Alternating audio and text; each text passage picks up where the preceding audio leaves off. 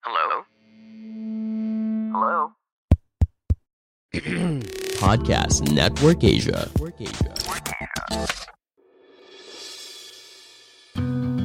Sekarang Stoikas ID telah didukung oleh Podcast Network Asia. Buat teman-teman yang ingin mempelajari lebih lanjut tentang podcast atau kalian ingin tahu gimana caranya memonetisasi podcast, boleh banget kepoin dan ikutin media sosial Podcast Network Asia atau melalui situs web di podcastnetwork.asia.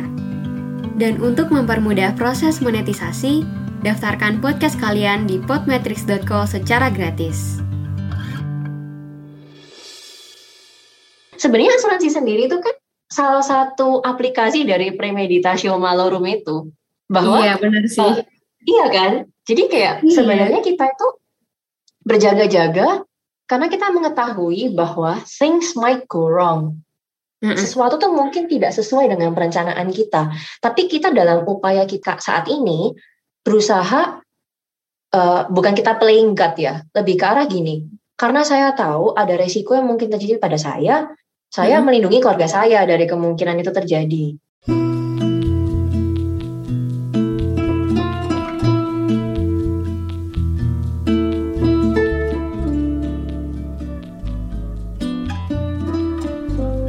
apa kabar teman-teman? Berjumpa lagi dengan saya, Sita Putri, di episode terbaru Stoicast ID.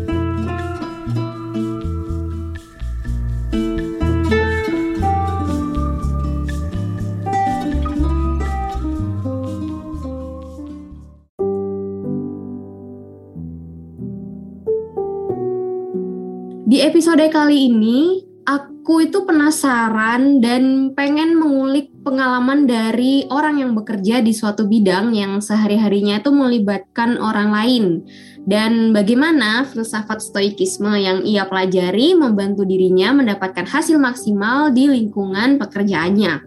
Pekerjaan ini yaitu adalah uh, agen asuransi gitu.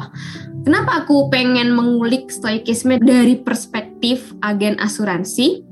Karena menurutku pekerjaan ini banyak tantangannya yang membuat seseorang tuh harus berinteraksi dengan orang lain dan butuh keterampilan komunikasi yang sangat baik serta yang pasti kesabaran yang sangat tinggi. Nah, maka dari itu menurutku prinsip-prinsip stoikisme akan sangat diperlukan untuk mereka yang berkarir di bidang agen asuransi ini. Untuk membahas topik ini, aku nggak sendirian nih teman-teman karena aku ditemani oleh seseorang yang bekerja sebagai agen asuransi dan sangat tertarik dengan filsafat stoikisme seperti aku.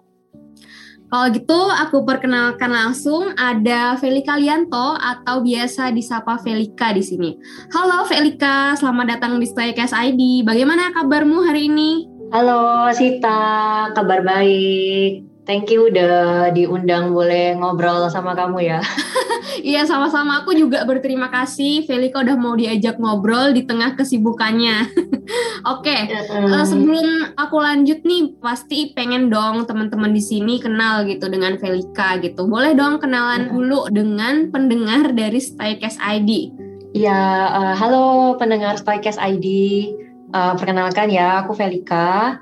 Eh, kalau aku sehari-hari, benar kata Sita tadi, berprofesi sebagai agen asuransi. Domisili aku di Surabaya. Eh, sudah di industri ini selama empat tahun, thank God. Terus abis itu kesehariannya, aku selain bekerja ya tentu, aku sehari-hari hobi baca buku, hobi ngopi untuk mengisi jiwa ya. Terus habis itu Keren juga nih. Mm-mm, terus juga ya hobi-hobi yang biasa lah ya kalau udah kerja kan pasti kita cari yang refreshing refreshing gitu. Kurang lebih sama sih ya baca buku nonton kayak gitu-gitu sih.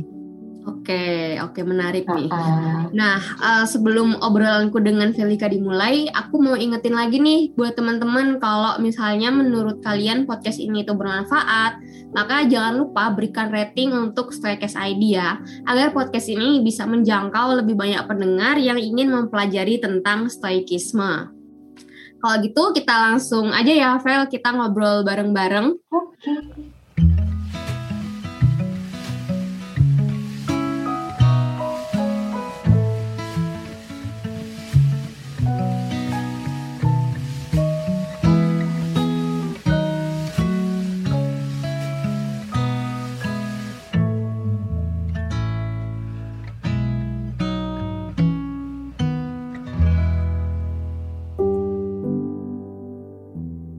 Felika Lianto yang biasa disapa Felika. Aku pengen nanya nih, pengen kepo ke kamu.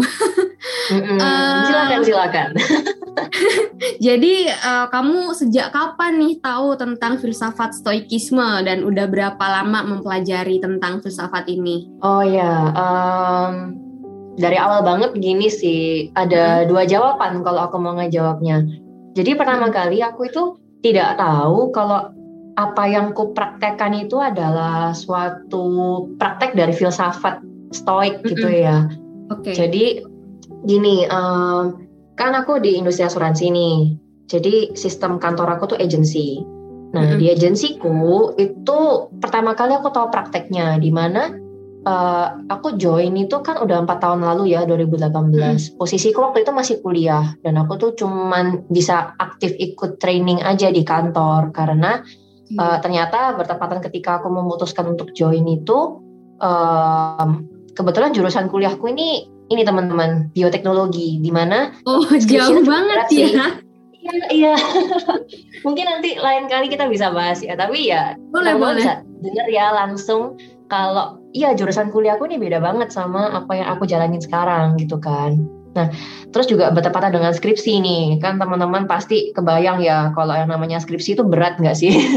Apalagi iya, biotek itu dulu, iya kayak banyak banget praktek laboratoriumnya, sehingga aku hanya bisa ikut training. Nah, tapi di training ini nih um, gini, nggak hanya di industri asuransi, tapi di banyak industri lain yang ada bagian penjualannya atau sebagai tenaga pemasaran itu tuh banyak banget training.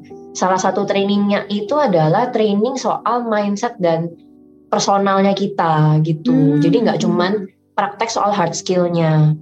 Nah, kenapa itu penting? Karena dunia ini tuh sangat banyak penolakan gitu loh.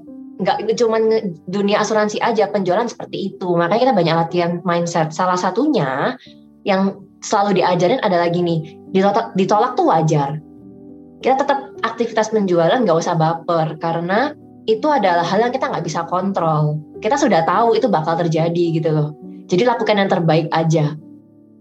Nah itu tuh kayak itu sering banget diomongin gitu sih ta. Oke okay, Okay. Jadi kayak kayak nggak usah terlalu dipikirin, lebih ke arah fokus ke aktivitas kamu, apa yang bisa kamu lakukan kayak gitu kan. Nah, mm -hmm. terus uh, sama halnya dengan pekerjaan lain juga tentu ada evaluasi dong di mana aku ini kan di industri ini bergabung dalam sebuah tim di mana tim ini ada tim leadernya.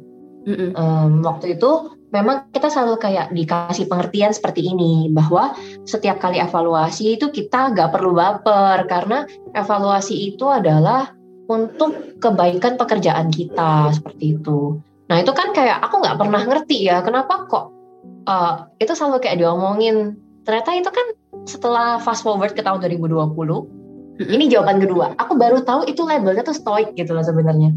Okay. Jadi aku baru tahu kalau itu nama prakteknya tuh praktek dari filsafat stoikisme. Setelah aku gabung di satu komunitas yang dibentuk di public figure di Instagram. Ya Sita tahu ya, kita akan ketemu di situ ya Sita. Iya benar. uh, jadi uh, kita ketemu di situ. Terus kayak teman-teman tuh emang lagi banyak banget bahas soal buku yaitu buku yang ya kita sudah tahu filosofi teras ya. Karyanya hmm. Om Piring Henry Wanem Piring di mana kayak oh buku ini bagus ya. Tapi itu pun aku nggak langsung baca. Tapi aku sudah tahu hmm. kalau oh itu praktek stoikisme seperti itu. Oke menarik ya berarti ceritanya. Kita udah tahu sedikit uh, apa ya uh, preview dari kehidupan Velika yang ternyata jurusannya memang beda gitu teman-teman dari karirnya iya. saat ini. Aku tuh juga uh, baru diceritain Velika sekarang sebenarnya. Menarik Jadi ada kaget-kagetnya. iya. Nah, terus aku pengen tahu uh, dari topik-topik uh, filsafat stoikisme, uh, menurutmu uh, topik mana nih yang sangat membantu uh, dalam mengatasi stres gitu dalam pekerjaanmu? Gimana ya? Sebenarnya banyak sih. Tapi hmm. aku bisa sebutkan yang paling sering aku keep in mind ya. Uh, yang pertama Tentu yang tadi kayak aku udah sebut di awal itu adalah soal dikotomi kendali atau biasanya hmm. mungkin ada yang sebut jadi trikotomi kendali ya. Iya, Soalnya iya, Uh, kenapa kok itu sangat membantu aku dalam hmm. uh, menjalankan aktivitasku sehari-hari dalam pekerjaan karena um, seperti yang disebutkan juga ya dan memang kita tahu banget kalau pekerjaan itu sebenarnya nggak cuma pekerjaan di agen asuransi, cuma memang kita kebetulan lebih banyak interaksinya dengan orang-orang hmm. kayak gitu. Dan nggak cuma banyak interaksi dengan orang, orang-orang yang kita temui ini tidak hanya berasal dari uh, apa ya latar belakang yang sama dengan kita, baik itu latar belakang pekerjaan, latar belakang uh, kehidupan. Jadi sangat random gitu kan. Kita nggak mm -hmm. bisa uh, tahu apa yang orang tuh pernah jalani dan lain-lain, ya kan? Iya. Nah, kenapa itu penting? Karena ketika aku bekerja sebagai agen asuransi, tentu salah satu KPI ku kan juga dengan melakukan penjualan, betul ya. Selain hmm. melakukan penjualan, memang aku ada aktivitas memaintain timku sendiri, bisnisnya sendiri. Nah, tapi ya, hmm. mungkin yang ini bisa dibatasin di uh, kegiatan penjualannya aja, di mana um, asuransi ini memang kayak banyak sekali interpretasinya gitu kan dan kita nggak pernah tahu setiap orang kita temuin itu uh, sudah punya satu mindset yang tepat tidak soal asuransi seperti itu ah, iya, iya. dan tentu ketika kita jelasin kan tidak semua orang tuh bisa memberikan reaksi yang positif kan positif maksudnya kayak dalam arti uh, diskusi arahnya bukan iya. langsung ke arah yang penolakan nah penolakan tuh sangat sering terjadi Tentu, sangat sering terjadi. Tapi dengan adanya dikotomi kendali ini, kita bisa kayak lebih mengetahui lah. Kayak apa yang bisa aku kontrol dan apa tidak bisa aku kontrol.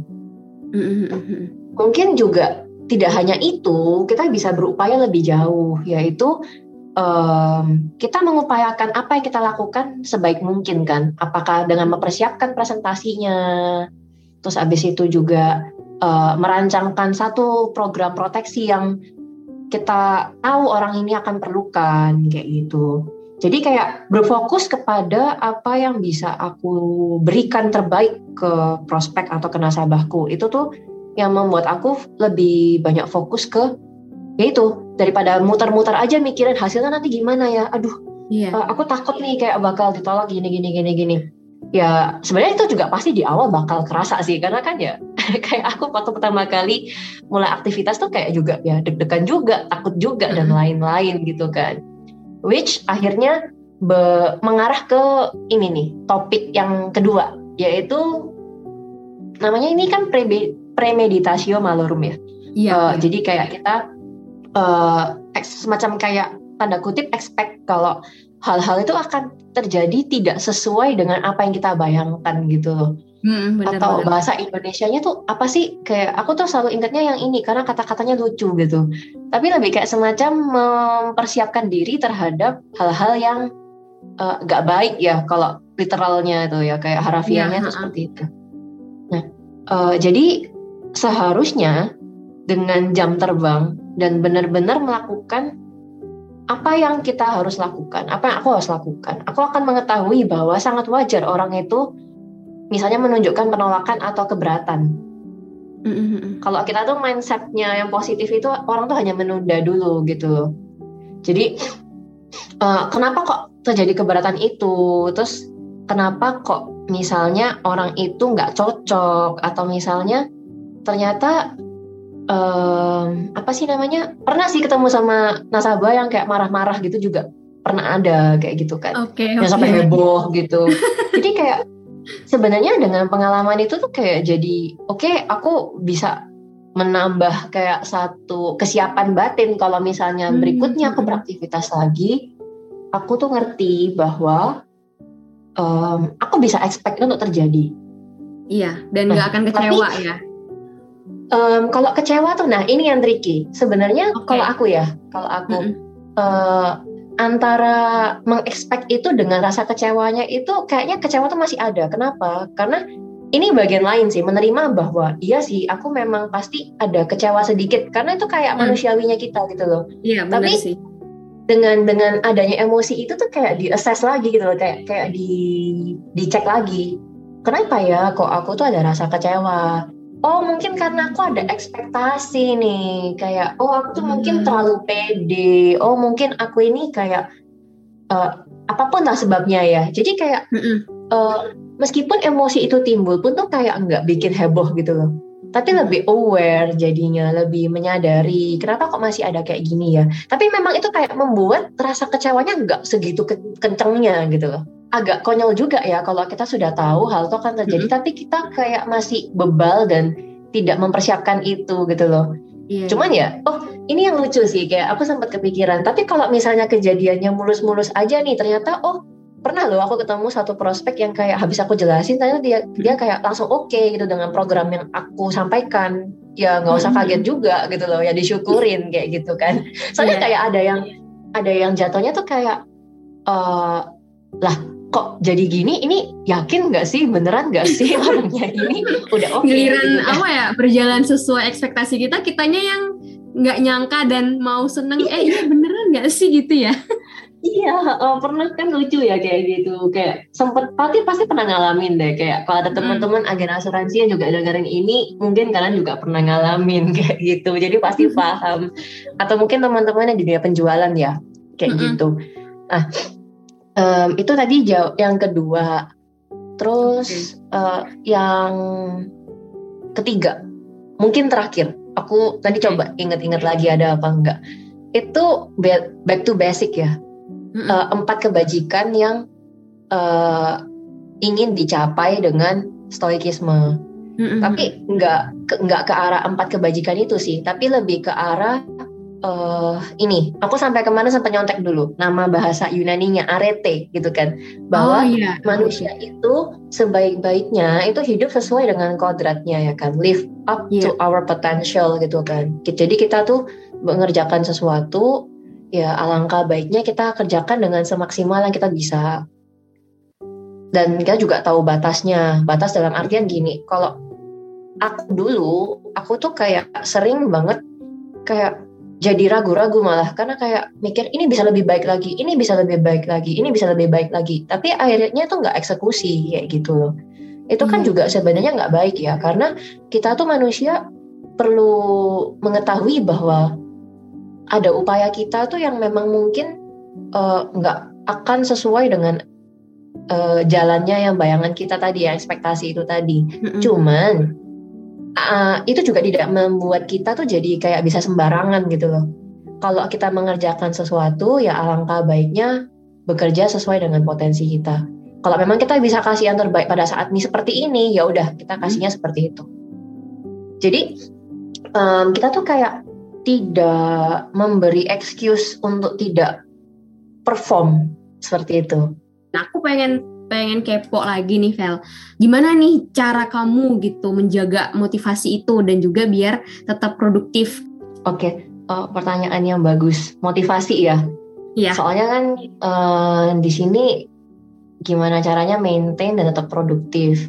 Mm -mm. Um, kalau aku pertama dasarnya ya ya mm-hmm. kebajikan itu tadi kita ya aku tetap remind diriku bahwa uh, kerjalah sesuai dengan kodratmu kerjalah mm-hmm. dengan pikiran kerjalah dengan hati berikan yang terbaik nah terus ada satu juga nih uh, yang soal uh, ada kaitannya sama dikotomi kendali cuman aku tuh mungkin mm-hmm. lupa ya namanya apa yang aku tahu istilah populernya itu adalah butterfly effect Okay. Jadi kayak apa yang kita kerjakan sekarang itu kan bisa berpengaruh ke eh, hal-hal uh, yang akan datang gitu kan sih. Mm -hmm. Jadi kayak uh, sama halnya kalau kita tarik ke belakang juga uh, apa yang kita alami saat ini, posisi kita saat ini itu berasal dari rangkaian keputusan yang kita buat bahkan apa yang orang lain putuskan lakukan sampai kita tuh bisa jadi seperti ini sekarang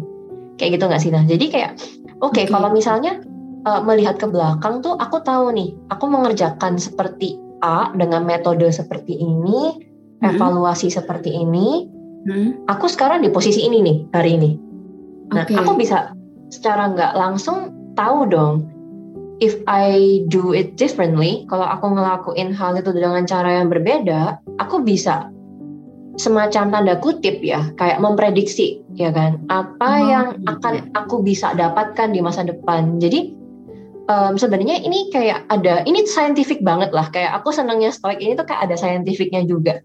Karena ini kaitannya dengan habit gitu loh.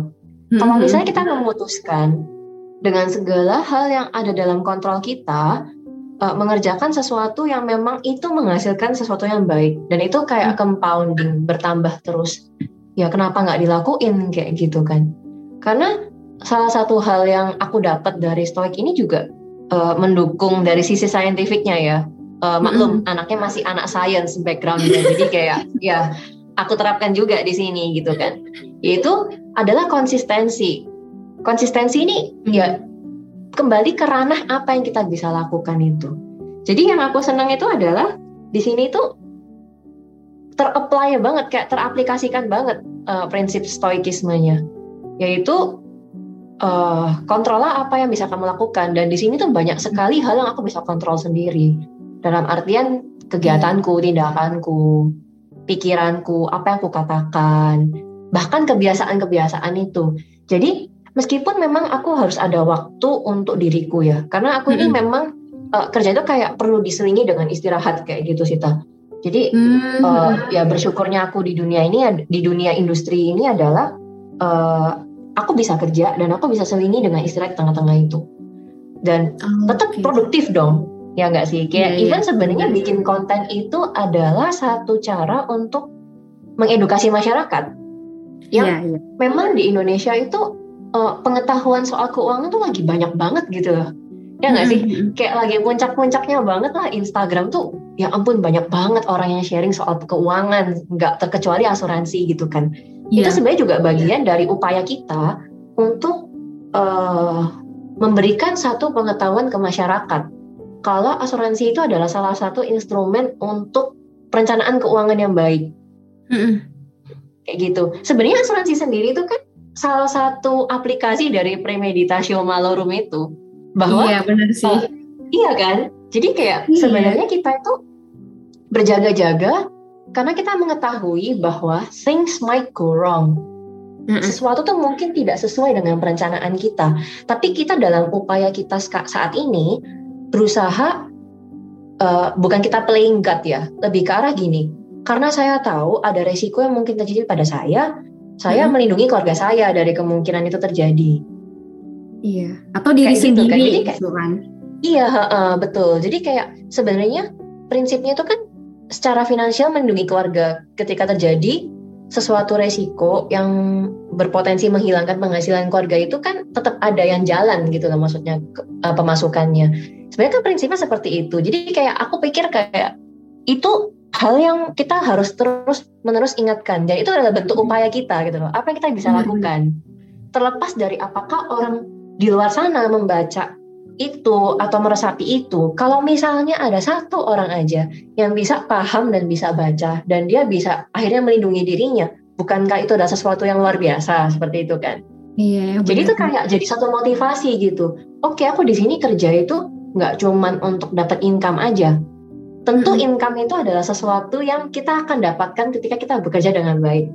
Iya benar. Tapi alangkah baiknya juga jadi satu motivasi untuk aku untuk mengedukasi orang di luar sana hmm. supaya mereka juga kehidupannya lebih baik secara keuangan kayak gitu. Itu itu motivasi banget sih, itu motivasi banget. Kebetulan aku juga orangnya suka sharing gitu. Dari dulu suka hmm. ngajar. Jadi anggap aja ini salah satu bentuk aku edukasi gitu ya itu motivasi kayak gitu Iya benar. Nah tadi uh, sempat aku sempat dengar kamu ngomong kayak apa uh, banyak yang udah mulai mengedukasi orang-orang terkait uh, finansial dan juga salah satunya juga asuransi mm -hmm. gitu.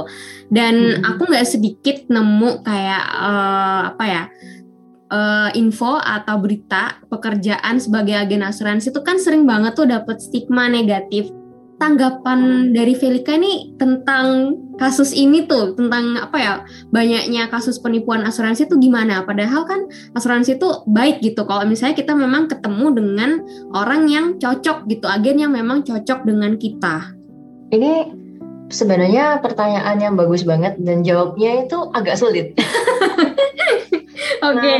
Kenapa agak sulit? Soalnya ini tuh melibatkan banyak sekali pihak gitu kan.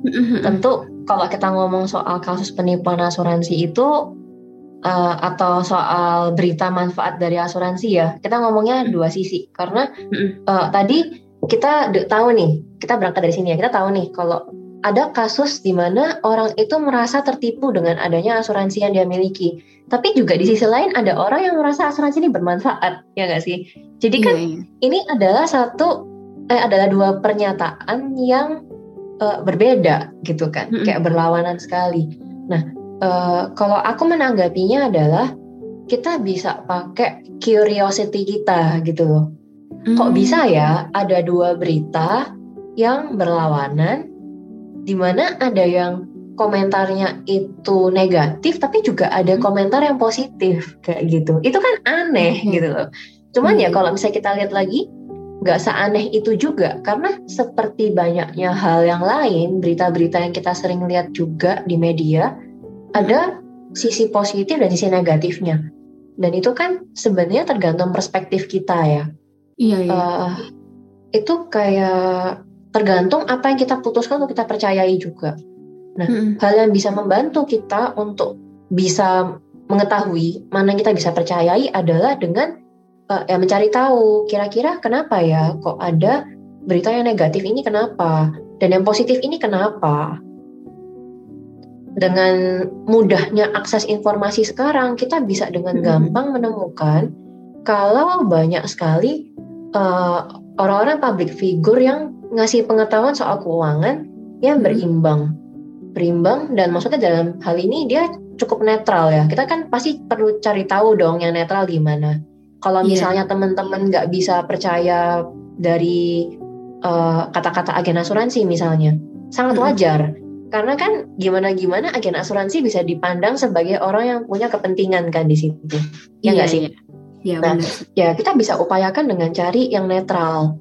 Atau misalnya emang kenal nih sama agen asuransi yang bisa netral karena dia punya satu ini apa namanya sertifikasi, Mm-mm. sertifikasi profesi yang financial planner baik itu CFP atau RFP itu bisa kita cukup kita andalkan kok kredibilitasnya. Heeh. Oke. Kita bisa tanyakan kok bisa ya ada kasus seperti ini. Yang bisa aku sarankan ke teman-teman adalah memastikan kalau misalnya teman-teman memang ingin memiliki atau punya rencana punya polis asuransi apa pun produknya, teman-teman bisa kok berpartisipasi aktif dan bertanya sebanyak-banyaknya ke agen asuransi yang kalian percayai. Ingat yang kalian percayai karena balik lagi kita cuman bisa mengendalikan apa yang kita bisa kendalikan kan. Iya, Dan benar. salah satunya adalah standar kita tuh balik lagi ke agen asuransi kita bisa percaya. Nah, Benar. karena kita sudah tahu kita sudah berupaya nih, apa pun yang terjadi setelah itu, ya udah kita let the events unfold gitu loh. Maksudnya kayak kita biarkan saja sesuatu itu terjadi. Kalau misalnya memang ternyata sesuatu itu terjadi dengan baik, ya bagus kita sudah melakukan tugas kita ya nggak sih? Tapi Iya, kalau misalnya ini aku nggak bisa memungkiri ya, nggak bisa memungkiri akses masyarakat ke agen asuransi yang berkualitas dan punya kompetensi yang baik itu memang nggak selalu ada di setiap daerah, betul nggak sih? Karena aku benar. aku juga baru tahu kalau ada orang yang sebenarnya bukan agen asuransi tidak punya SIM menjualnya. Jadi kita kayak ada Mhm. surat izin menjual gitu loh, ada lisensi Oh. dari AAJI. Nah, ternyata ada loh orang itu yang sebenarnya dia bukan agen asuransi tapi dia ngaku-ngaku sebagai agen asuransi dan orang itu ngasih duit ke agennya. Kan Oh, kasihan. Dan iya kayak yang agen maklar kutip gitu ini. ya berarti. Iya, agen tanda kutip tapi dia sebenarnya nggak ada lisensi dan dia sebenarnya nggak menjual. Oke. Oke. Jadi polisnya nggak pernah ada. Nah, itu tuh sebenarnya hal yang sangat disayangkan karena kita juga nggak bisa tahu kan di daerah masih ada yang seperti itu. Nah, kalau itu terjadi, ya itu tentu hal yang sangat kita sayangkan ya. Dan itu masih jadi PR kita juga sih yang agen-agen asuransi yang berkompetensi. Kalau sampai itu terjadi ya eh, carilah bantuan ke pihak-pihak yang bisa membantu mengcross checkkan. Dan kita juga ya itu lagi balik pakai nalar lagi, menelaah situasinya, terus kita cari solusinya dong tentu. Kayak gitu. Oh, Oke, jadi bisa kita cari gitu ya. Kita kayak kalau di psikologi kan eh, seorang psikolog kita bisa cek misalnya surat eh, prakteknya gitu, SIPP-nya. Iya, gitu. heeh. Berarti kalau Heeh. sebagai agen asuransi pun bisa kita lakukan hal yang sama ya untuk mengecek apakah dia Oh, Bisa punya banget, asuransi. bisa banget. Oke, mau ngeceknya di mana tuh, Vel? Nah, ini pertanyaan yang bagus. Teman-teman bisa cek di Mhm. websitenya perusahaan yang bersangkutan. bagian daftar tenaga pemasar. Oh. Dari sejauh pengalamanku, perusahaan-perusahaan asuransi swasta di Indonesia yang terkemuka, dalam arti namanya udah sering banget didengar ya, itu kita bisa cek loh agen-agennya, tenaga pemasarnya yang masih aktif. Menarik, ini aku baru tahu loh ternyata bisa dicek juga. Ini info yang menarik buat aku dan teman-teman buat yang pengen tahu. Jadi istilahnya kita juga bisa ngasih tahu ke orang nih, eh bisa loh kita ngecek kalau dia itu emang seorang agen yang uh, masih aktif atau udah enggak gitu ya.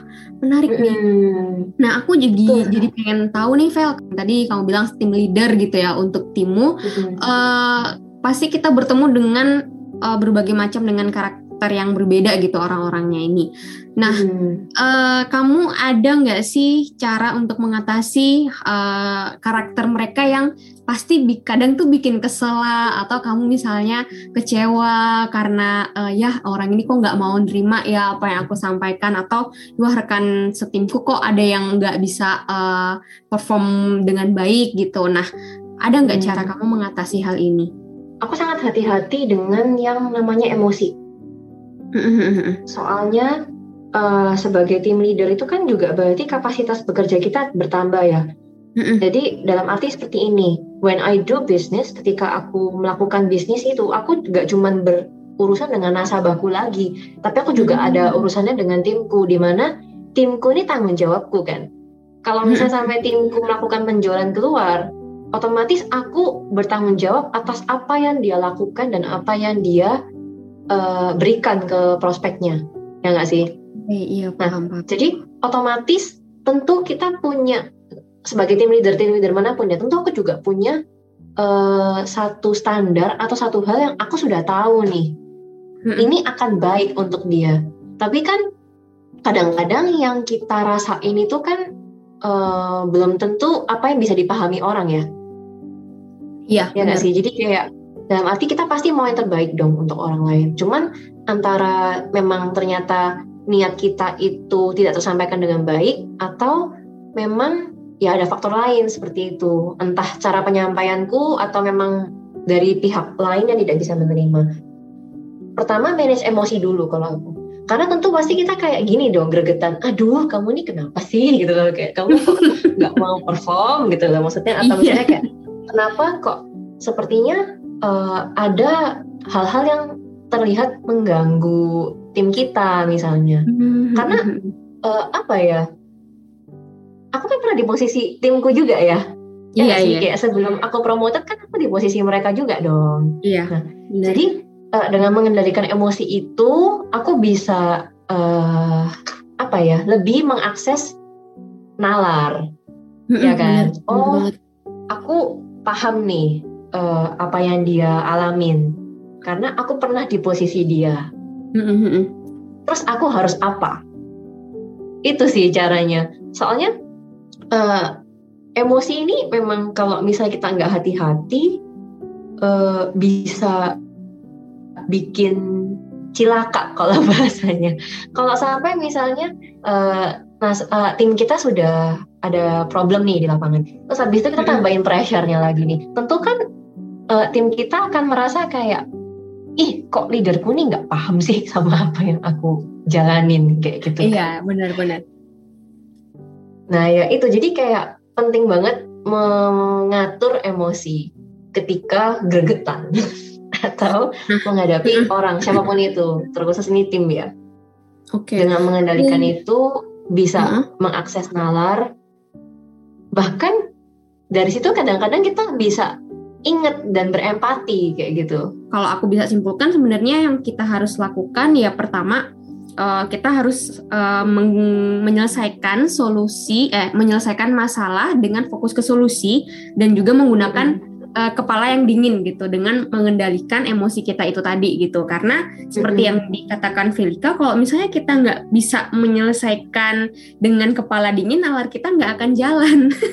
Benar nggak Mm-mm. sih? Karena kita udah termakan dengan emosi gitu. Karena udah dibutakan sama emosi itu sendiri. Aku jadi ingat salah satu quotes-nya Marcus Aurelius atau Epictetus gitu ya aku lupa pokoknya dibilang kalau emosi itu adalah budak kita gitu loh kamu kalau misalnya udah termakan dengan rasa amarah marah atau emosi yang sedang apa ya meluap-meluap Nah, kita tuh jadi budak dari emosi tersebut gitu.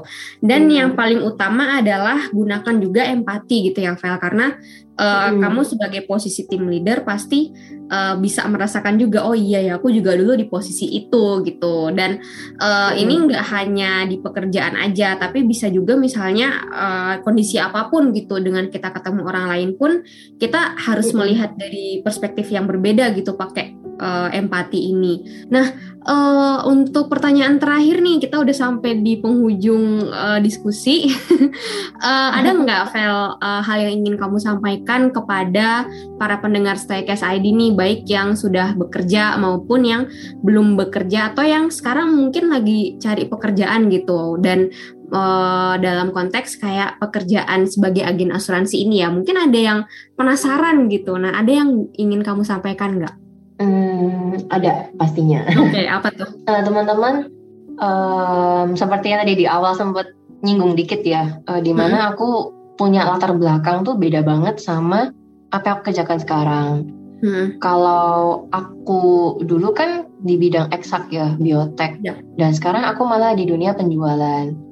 Biasanya anak anak-anak muda yang anak-anak muda kita udah tua aja lebih ke arah kayak generasi kita ini sering sekali punya kekhawatiran ya kan mm-hmm. kayak punya concern aku tuh ingin kerja sesuai bidangku aku ingin mm-hmm. kerja memanfaatkan apa yang aku sudah pelajari seolah-olah kalau misalnya kita uh, nggak uh, mengerjakan seperti itu kayak rugi gitu loh udah sekolah mm-hmm. kayak gimana gimana nah teman-teman sebenarnya nggak usah khawatir ketika kita bekerja kita itu fokusnya adalah ke kemampuan kita sebagai manusia Oke. Okay.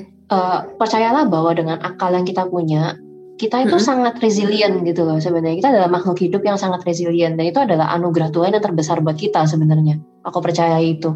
Nah, salah satu hal yang membuat aku berani untuk melangkah keluar dari bidangku, meskipun aku nan uh, ada kemungkinan aku nggak kerja di bidang asuransi ya, aku bisa bilang hmm. seperti itu. Ada kemungkinan kan, tapi ada yeah. aku memilih di sini.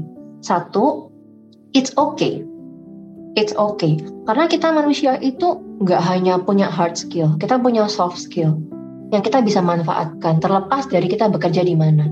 Yang penting adalah kita melakukan itu konsekuen, satu. Dua, menjalani proses yang harus ada. Dan tiga, kita benar-benar ngerjain sesuai potensi kita. Setiap kita tuh kayak udah dimampukan gitu kok sebenarnya.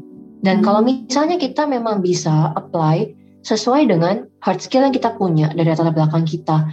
That's really great, ya kan? Itu bagus banget. Dan kalau misalnya pun kita nggak kerja yang sesuai dengan latar belakang kita, itu juga keren. Karena iya. apa? Kita tambah skill lagi. Kita tambah skill baru lagi. Dan uh, apa yang aku bawa dari latar belakangku adalah kesukaanku berbagi ke orang dan ngajar. Dan kalau misalnya memang ternyata kita punya satu bakat di mana kita bisa menerangi orang lain dengan informasi yang kita punya, itu adalah satu hal yang sangat keren kayak gitu. Nah, sama kalau soal agen asuransi nih, aku sangat encourage teman-teman yang kalau ingin mempelajari lebih jauh soal keuangan, kalian bisa melihat industri asuransi sebagai salah satu pintu untuk kita belajar dan berbagi lebih jauh soal keuangan ke orang-orang di sekitar kita. Kenapa? Karena di Indonesia kita sangat butuh teman-teman orang-orang yang bekerja di dunia asuransi dan kompeten. Benar nggak sih? Karena benar, benar. itu adalah sebenarnya salah satu tanggung jawab moral loh. Kita tuh sedang berusaha menjaga agar masyarakat Indonesia tuh bisa mencapai tujuan keuangan mereka dengan ketenangan batin.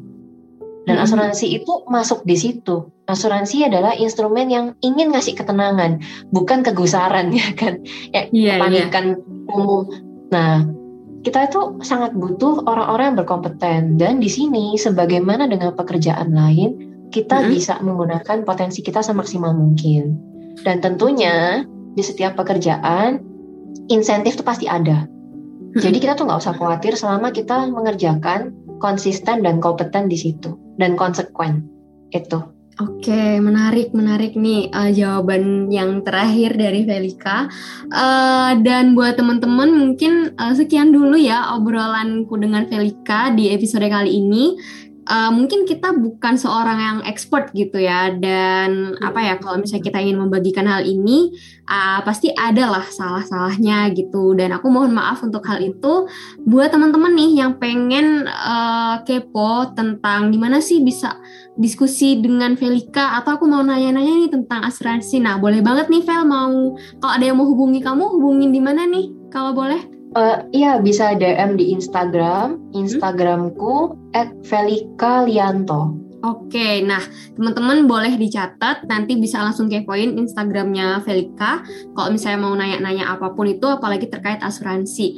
Dan aku berharap hmm. semoga obrolan kami membuat teman-teman mendapatkan wawasan baru yang bermanfaat untuk diterapkan di hmm. kehidupan pekerjaan dan tentu saja di kehidupan sehari-hari. Terima kasih Velika sudah bersedia hadir di Skycast ID. uh, obrolan yang sangat menarik dan aku banyak mendapatkan wawasan baru juga. Semoga sehat selalu buat kita dan mungkin next time Amin. kita bisa ngobrol-ngobrol lagi dengan topik yang menarik lainnya. Terima kasih juga buat teman-teman yang udah mendengarkan episode kali ini hingga selesai dan jangan lupa berikan rating untuk Stoicast ID agar podcast ini bisa menjangkau lebih banyak pendengar yang ingin mempelajari tentang stoikisme. Saya Sita Putri dan saya Verika. Pamit sampai jumpa di episode berikutnya. Bye. Bye bye.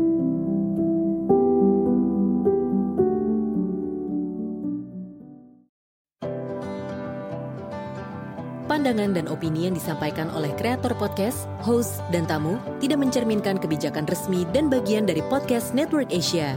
Setiap konten yang disampaikan mereka di dalam podcast adalah opini mereka sendiri dan tidak bermaksud untuk merugikan agama, grup etnik, perkumpulan, organisasi, perusahaan, perorangan, atau siapa pun dan apa pun.